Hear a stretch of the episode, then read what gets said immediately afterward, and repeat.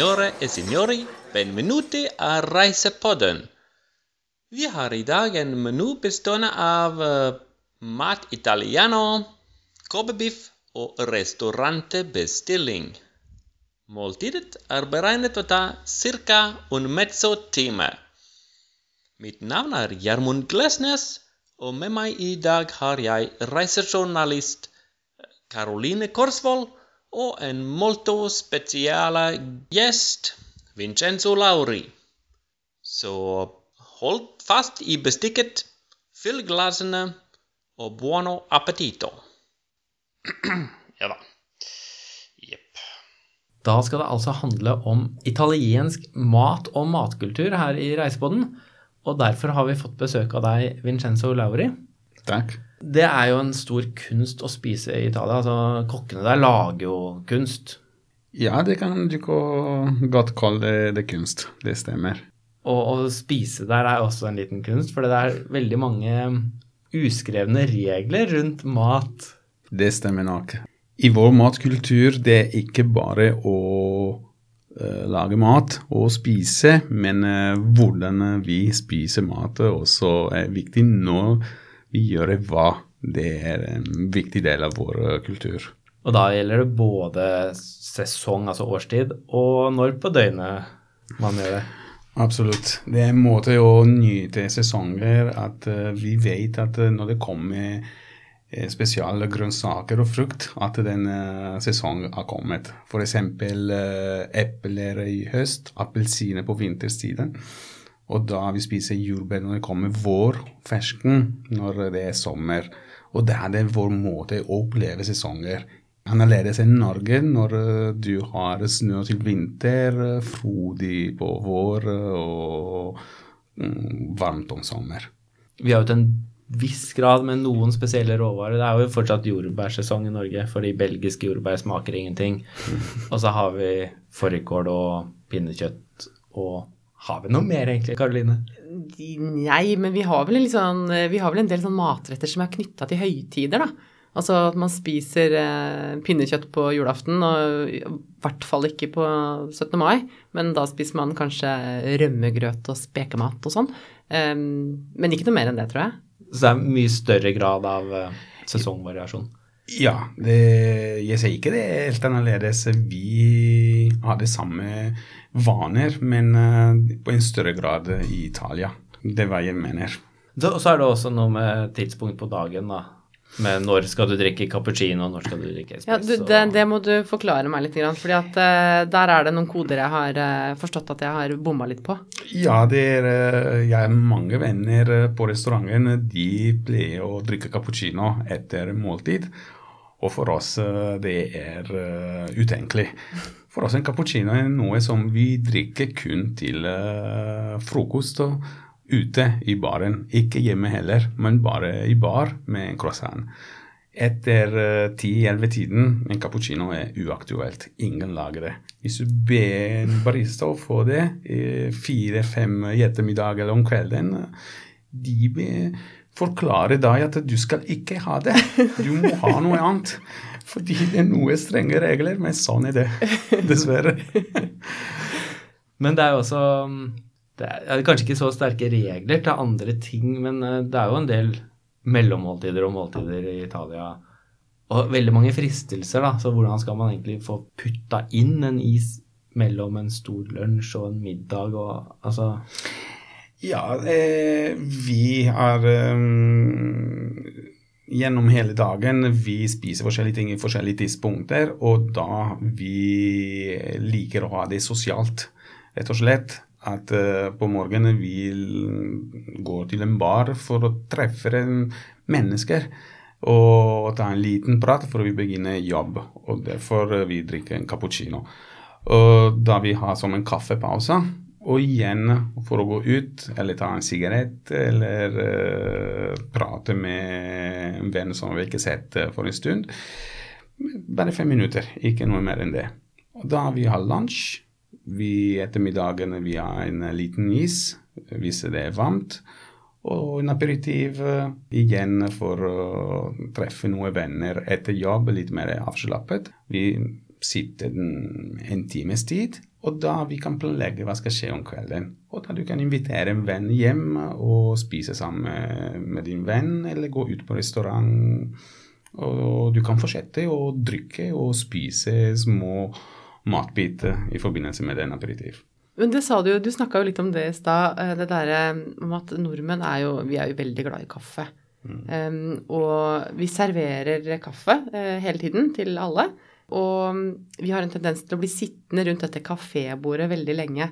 Eh, og der hadde du en litt sånn uh, morsom observasjon uh, med at uh, det du nevnte om at dere sitter jo ofte rundt matbordet. Det gjør jo ikke vi. ja, det er helt riktig. Jeg, jeg mener holdning er det likt. Det er ikke noe stor forskjell. Vi liker å ha det sosialt rundt bord, men for oss som italienere, vi elsker det sosialt rundt spisebord. Og nordmenn å ha det sosialt rundt kaffebord. Så vi gjør akkurat det samme greier, men uh, på forskjellige bord. Mm.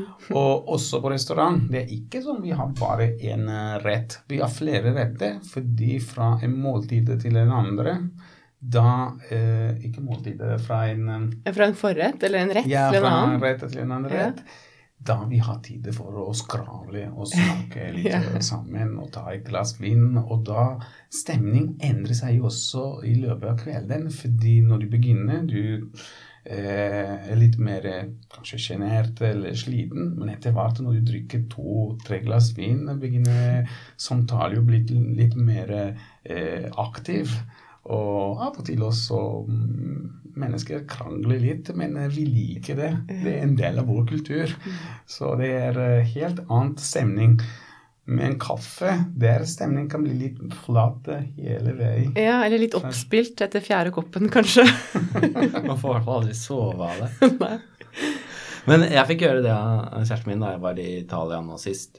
Og så begynte under måltidet altså, Å, i morgen så prøver vi eh, kanin, for det var på Ischia. Der spiser vi kanin. Og da fikk jeg skryt av henne. Nå tenker du som en italiener, for nå begynner du å planlegge neste måltid allerede nå. For det er en stor del av samtaler også i Italia. Ja, det er merkelig. Jeg vet ikke hvorfor, men helt utrolig når vi spiser vi er stappmett. Da vi tenker hva skal vi spise i morgen? Det, jeg, jeg, det er latterlig. Helt enig med deg, men jeg vet ikke hvorfor. Men jeg gjør også det samme greia. Det er, ja, det er en del av vår kultur. Men uh, det er ingen grunn for det. Men det virker jo som at altså, mat er mye mer enn det vi kaller vomfyll på norsk. Det, det skal, du skal jo ikke bare bli mett. Jeg tror nok mange nordmenn tenker at de spiser for å bli mette. Eh, og så har dere en litt annen tilnærming til det. Og du nevnte jo i stad det her med at, eh, at veldig mye handler om mat, og det at man gleder seg til å gå i butikken eller på markedet og kjøpe mat, den følelsen har jo jeg aldri hatt, ikke sant. Jeg har jo aldri gleda meg til å gå i en butikk og kjøpe mat. Men det er noe med at alt henger sammen med alt, virker det som, da. Ja, det er en stor prosess. Fordi når vi tenker på mat, vi tenker å lage mat. Det er bare den oppskrift som teller. Med det som Du må tenke som en iceberg. Det er bare den toppen av den eh, fjell, mm. men det finnes eh, noe større under det. Ja. Og da å diskutere dagen før hva skal eh, du kjøpe, hvordan skal du kjøpe den, og uh, hvor mange gjester du har, hvilken vin, og osv. osv. For meg, men ikke bare for meg, å handle mat, det er en stor glede. Det er en uh, del av den prosessen som jeg nettopp uh, nevnte.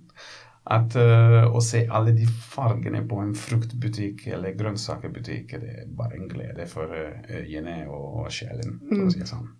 Italiensk mat er jo veldig Det er gjerne få forskjellige ingredienser, og så er det perfekte ingredienser. Altså, perfeksjonismen ligger egentlig mer i råvarene, da. Er det riktig? Det er helt riktig. Så hvis du sammenligner våre, um, våre oppskrifter med andre naboland, f.eks.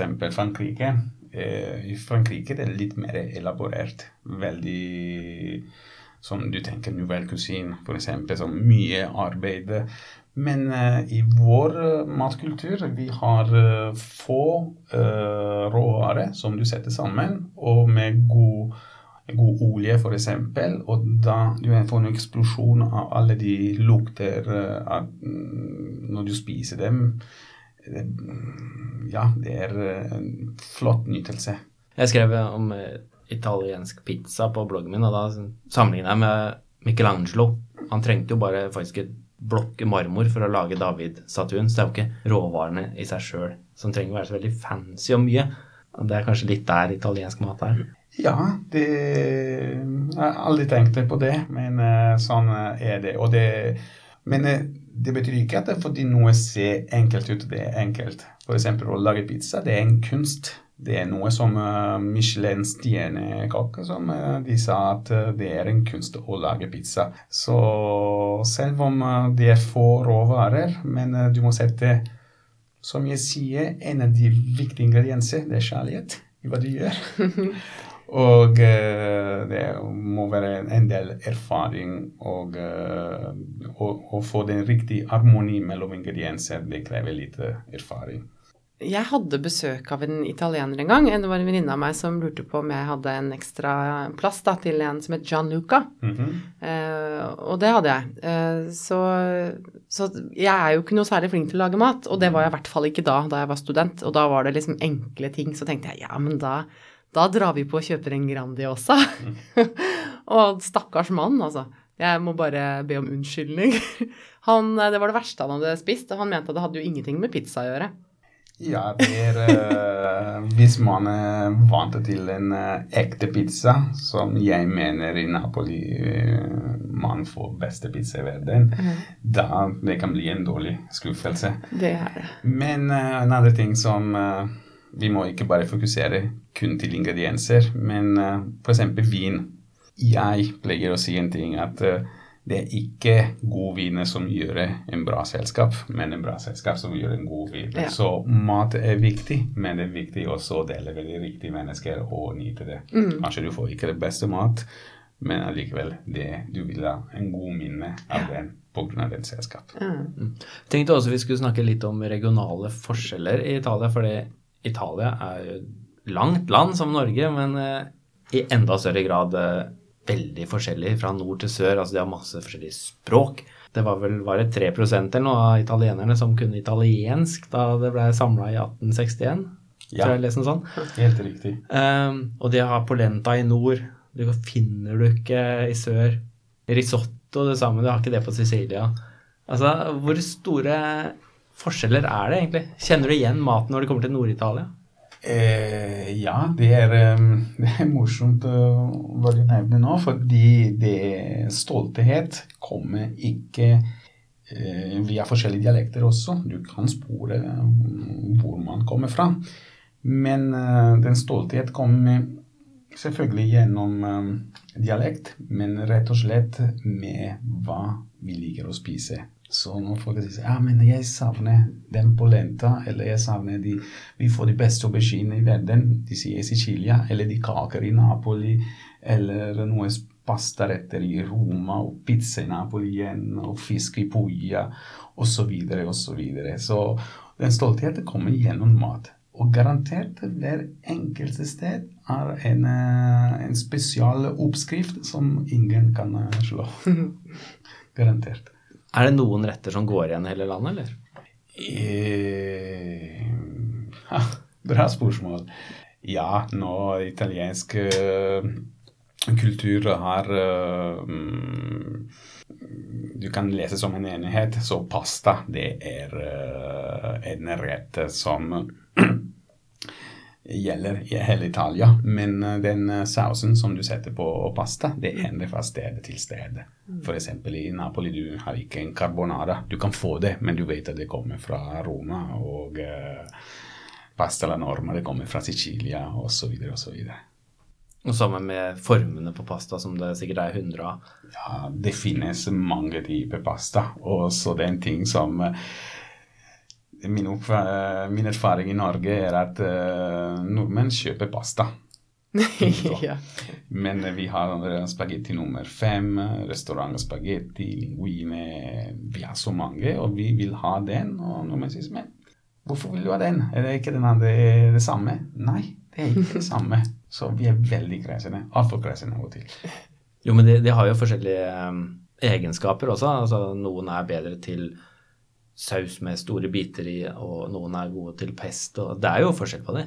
Ja, ja, det er absolutt forskjell på det. F.eks. når vi spiser sjømat, vi bruker linguine, og eh, når vi har eh, eggpasta, for de trekker sausen bedre enn andre typer pasta. Uh, kortpasta mm, eller uh, gnocchi eller gnocchi di sardi. For hver saus det finnes det en riktig pasta. Det er teksturen, det er den måten du kjenner i munnen. Det er flere, eh, flere aktører involvert i, i en uh, måltid. Men du, hva bruker man eh, makaroni til? Det, det jeg sliter litt med, med å bruke makaroni. Ja, men jeg fant første gang makaroni i Norge. Vi, er, eh, vi kaller ikke eh, makaroni, vi har disse korte pasta, men oh, ja. vi kan lage som en enkelt uh, saus. Også, du må tenke en annen ting. Hvis du har flere uh, venner hjemme, hvis du er 10-12 stykker, det er mye lettere å lage en kort pasta enn spagetti. Eh, hvis du har få venner, kan- kanskje en spagettirett er mye lettere å lage. Så du må også ta hensyn eh, til det. Så hvis jeg har mange venner, som 10-12 venner, da jeg vil helst lage som en kort pasta. Det holder den uh, koketid, eh, og det er mye lettere å blande. Og, Ja, nettopp. Smart. Smart. Da må jeg invitere masse folk da, som prøver å lage noe med makaroni. Ja. Men det her betyr egentlig at eh, for hver enkelt eh, region i Italia man er på ferie, så må man egentlig sette seg litt inn. Hva er den spesialiteten her som jeg skal prøve? Ja, jeg gjør det samme. Hver gang jeg reiser til et nytt sted, til og med 10-15 minutter hvor jeg kommer fra, hvis jeg reiser til et nytt sted, jeg ber alltid hva anbefaler du? Og da jeg til den eh, anbefaling, fordi de vet best. Kanskje de bruker sopp i september-oktober, som eh, de kommer fra det området, eller trøfler hvis du er i nord, eller en spesialfisk hvis eh, de har kommet til den fiskebåt med nyfiskt mat og alt. Så jeg som italiener, jeg gjør det. Jeg ber anbefalinger, og jeg anbefaler det samme til dere. Å gå til en restaurant og be for den uh, anbefaling fra huset. Mm. Hvis vi spør deg hvor i Italia de har den beste maten, så er det helt fånyttes, for du vil si der du kommer fra. Da. Nei, jeg sier ikke det. Jeg kan si hva jeg liker best. det, det er noe annet, men uh, maten er nydelig hvor som helst. Det, jeg synes det er urettferdig å si at uh, i, i dette stedet det er, maten er bedre enn andre steder. Det er uh, veldig urettferdig. Jeg er vant til en del smak. Jeg kommer fra en øy. Du vet at jeg kommer fra Ponsa, og det er for meg fiskemat. Det er sjømat. Det er det beste som det fins. Og jeg er veldig glad i et par restauranter i Ponsa som de lager spesiale oppskrifter. Som jeg syns de er himmelsk, men eh, det er mange steder som har like bra oppskrifter. Hva med vin? Altså, jeg har jo drukket vin med deg på Ponsa, men øh, vintur Hvis du skulle dratt på vintur til Italia, er det noe Nei, vintur, det finnes mange regioner for vin. Vi har um, Toskana, Veneto, Piemonte, Sicilia. Det er mange, mange steder. Eh, kanskje det mest eh, Jeg vil ikke si klisjé, men det, det bildet som eh, vi tenker mest pga. filmer, er det Toskana. Toskana-området det er helt nydelig. Jeg eh, hadde som vindtråkking i Toskana også. Det var en fantastisk opplevelse, virkelig. Fordi du har disse nydelige eh, nydelige områder med alle de druer, gammel borger og traktor, hest, villsvin. Det er magisk. Det er magisk. Jeg anbefaler godt å ta en tur i september i Italia og be en vingård å prøve å få den vindtråkken. Så det er Er det lett å få til, eller? Ja, det, det er alltid mm, Det kreves alltid bemanning for å Det er en hard arbeider. Så hvis du kommer fra Norge og sier jeg vil jobbe gratis her og, og hjelpe til, da kan du få det. Ingen problem. Så kult. Og du får drikke vin etterpå, da. det er en stor fest etterpå, og da er det mye vin også. Og lokale spesialiteter. Og lokale spesialiteter. Helt riktig. Vi har også fått et spørsmål fra gjesten fra forrige gang, Tove Voss, okay. som lurte på hvorfor italiensk mat i Norge, eller kanskje utlandet, hvorfor det er pizza. Og stort sett bare pizza. Ja, det, jeg tenkte det, det samme hvorfor det. Men uh, det er enkelte i masseproduksjon. Da kan du fryse det ned, og da du kan selge en produkt som har mm, folk koblet til Italia med en gang. Men uh, det finnes noe mer enn eh, pizza. Det var bare markedsføring, at, en prosess, at uh, har gjort at pizza ble uh, Pizza betyr Italia. Men uh, for å få en god pizza, det er ikke så lett. Det er ikke bare bare. Og det krever mye erfaring, og det er en kunst. Og for å oppleve den kunst, uh, jeg anbefaler godt å ta en tur til Napoli. Og da man kjenner at uh, hva vi spiser, det er ikke pizza. De har jo strenge regler for hvordan en pizza skal være. En Vera Hva er det? Vera Pizzeria Nei. VPNA er det vel? Ja, det, Det finnes, det finnes en eh, skole for å bli godkjent som eh, en pizzalager. Eh, Yes. Det er, eh, ja, ja, det er, eh, det er virkelig en kunst. Jeg så noen regler for eh, napolitansk pizza. Det skulle være 485 grader i ovnen, og det skulle være maks 3 millimeter i kjernen, altså i midten. Deigen, da. Ja. Tykkelse. Og du skulle steke på 60-90 sekunder, og det var Oi, eh, jøsses i Det er ikke mye tilfeldigheter. Nei, det hørtes, Men det er ikke hørtes så lett å få komplisert til. Da. Da høres det ut som at det er et kunstverk eh, in process. Ja, det, det er det. Jeg har um, sett en intervju av Michelin uh, han sa at uh, ikke tenk at det er enkel mat, fordi jobben som disse folkene gjør med pizza, det er en kunstverk, og det ser lett ut, men det er absolutt vanskelig. Tusen takk for at du eh, tok deg tid til å komme. Bare hyggelig. Det var bare en glede å komme hit. Nå er jeg så sulten at jeg holdt på å stryke med. Det er ikke så rart, kanskje. Nå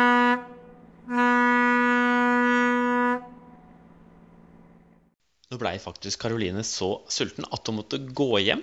Men eh, før hun gikk, så ga hun fra seg det lydklippet her. Hei, Annike. Hvis du vant én million kroner, hvor ville du ha reist hen da? Da ville jeg reist til Japan, fordi eh, det virker som et utrolig fint land med mye fin natur og ikke minst god mat. Um, Jeg har sett bilder av, men aldri smakt Kobe-biff.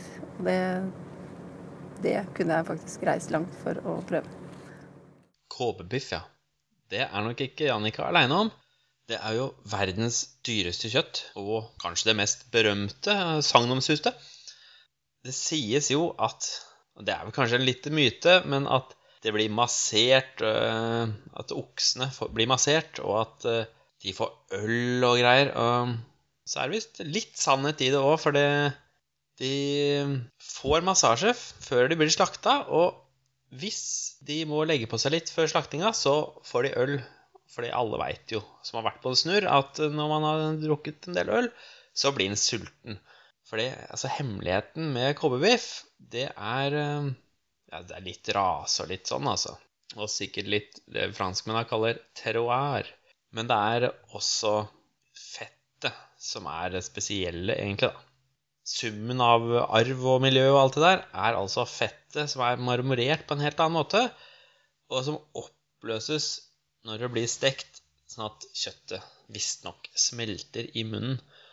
Og jeg har lest at sjeiken av Dubai, han eh, flyr til KB i privatflyet sitt ens ærend for å spise KB-biff. Nå har jo han litt mer penger og litt mindre miljøbevissthet enn eh, man trenger, så det er jo ikke sikkert at alle andre vil synes det er så verdifullt, da. Men uansett, KB-biff, det får man jo selvfølgelig i Japan, i KB-området, og jeg, jeg ringte Yomiko i Japan-spesialisten for å få hennes personlige anbefaling til et sted å spise og da mm, sa hun at ja, det her blir jo min personlige anbefaling. Jeg har ikke spist på alle restauranter i KB, jeg. Men eh, et av de stedene som Yomiko anbefaler, er KB Stikland. Rett foran Sanyo, Sanumia-stasjonen i KB. Det er en jernbanestasjon. Og det er et av de rimeligste stedene å spise KB-biff. Med veldig folkelig stemning og god biff. Og altså, selv om man har en million, så kan det være greit at ikke det bare er sjeiken av Dubai og andre flåttenfeiere som er der. Så det høres bra ut. Kobe Steakland, altså. Da er det vel egentlig bare å ønske god tur, da.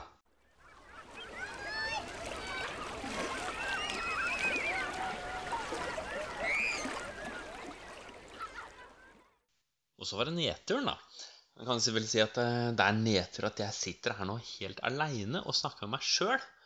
Altså, jeg ser jo ikke at dere hører på, men eh, det kvalifiserer kanskje ikke likevel. Eh, Så jeg tenkte vi skulle snakke litt om problemet med å få råd fra de lokale om gode restauranter når de gode restaurantene alltid er fulle.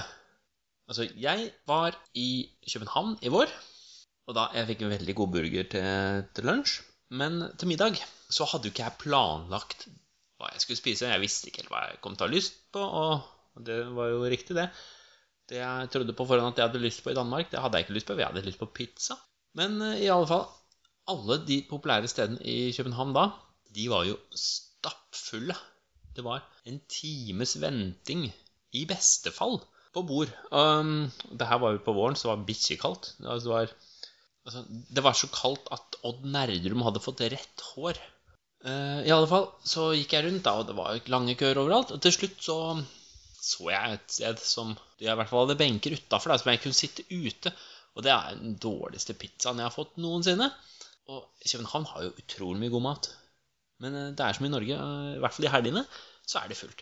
Og samme eh, dame og jeg var i Bologna, og der også, det er jo kjent for Italias mathovedstad. Fantastisk mat. Men vi var der en helg, så de tipsene vi fikk fra folk vi møtte, de så veldig bra ut, de, men de var, det, var, det var ikke mulig å få bord.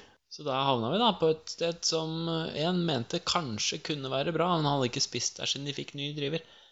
Det var ikke bra, vet du. Det var ikke det. Så da er jo Altså, det er jo, det er jo bare en nedtur, det her, for det er ikke så mye løsning på det. Du kan jo skaffe deg tips på forhånd før du reiser. Da kan du selvfølgelig skaffe deg en bord.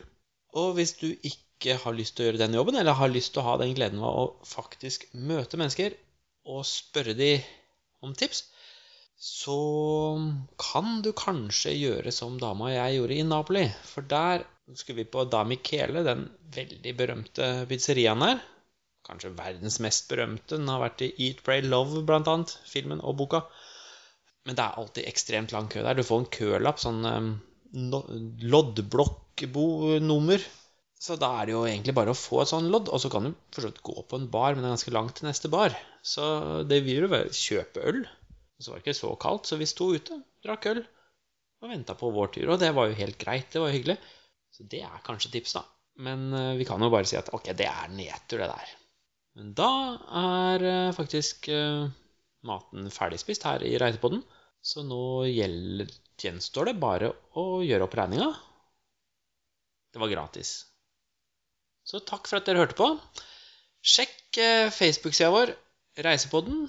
Sjekk også hjemmesida vår, reisepodden.no, og hør på vår søster eller bror eller fetter-podkast, Foreldremøte, en podkast om foreldre, oppvekst og barn.